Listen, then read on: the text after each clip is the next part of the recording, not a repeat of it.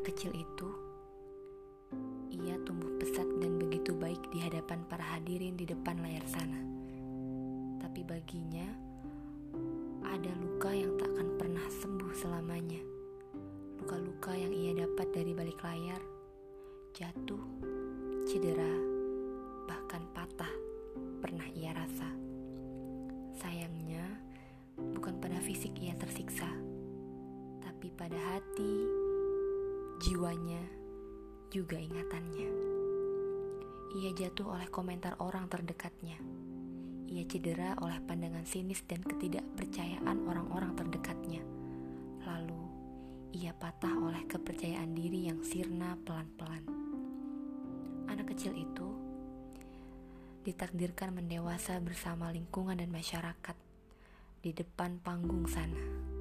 Ia menemukan kebaikan-kebaikan bahwa ternyata ia masih bisa hidup untuk tumbuh dan berkembang. Orang-orang di depan layar menaruh rasa percaya kepadanya. Bahkan tak kurang-kurangnya mereka juga sering berucap bangga. Anak kecil itu merasa seperti mendapatkan kembali kepercayaan diri terhadap dirinya sendiri.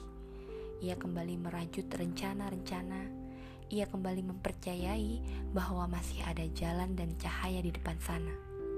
Tapi ketika ia pulang ke belakang panggung, luka itu kembali menganga, menutup rasa percaya yang sebelumnya kembali ada, dan begitu seterusnya.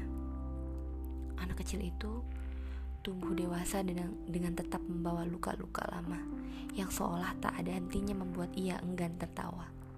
Anak kecil itu sedang belajar bagaimana agar sembuh luka tanpa melupakan prosesnya.